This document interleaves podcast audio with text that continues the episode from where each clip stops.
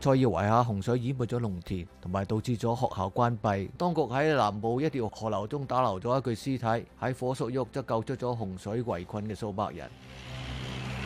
北約同埋其他國家嘅國防領導人喺德國特拉姆斯泰因空軍基地討論喺烏克蘭增加現代主戰坦克。秘魯示威者繼續反對博魯阿爾特總統領導嘅政府，並支持舉行新嘅選舉。抗議活動中死亡人數已經上升至四十五人。南韓首爾江南區一個居民區大火，至少有六十間房屋被燒毀，其中好多房屋係用紙板同埋木頭建造，大約五百人被迫撤離。